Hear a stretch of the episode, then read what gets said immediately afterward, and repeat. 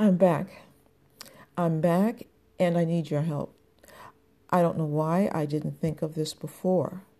We're told to find your purpose, seek your purpose, run after your purpose, pursue your purpose. Apparently, my purpose is a runner and good at hiding. Since I have to find it, maybe I'm not looking in the right places. Have you seen my purpose? Look through your things. Maybe my purpose somehow got mixed in with your stuff. Sorry, I don't know how to describe mine. I simply know it's missing. I can't give you much to go on. But if you see something strange, different, or not aligning with you, contact me, please. Let me have a look. According to my research, everyone's purpose is different. So I won't be taking anything from you. Promise. I won't ask any questions how you got it. I know securing purpose is a slippery thing because it hides anywhere, even acting like Velcro, latching on to somebody else. As critical as knowing your purpose is, it should be right in front of your face. For some people, that's true, but I'm not talking about those few you should be able to uncurl your fingers and see it resting right there in the palm of your hand. Napoleon Hill said, The one quality you need to possess to win is definiteness of purpose.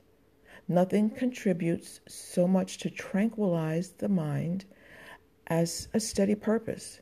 This said by Mary Shelley. Purpose of life is a life of purpose. That's Robert Byrne. You get the idea. This is important stuff. I'm asking you guys to be my search party. Let's fan out, turn over every leaf, poke every pile. Maybe my purpose is sitting right in front of you with the crazy hat on, legs crossed and smiling. Call me. I'll come get it.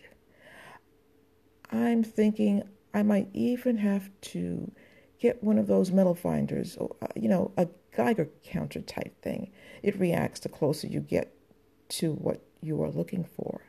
And you have a, to dig a bit to get it out. I don't mind digging and getting dirty over the right spot.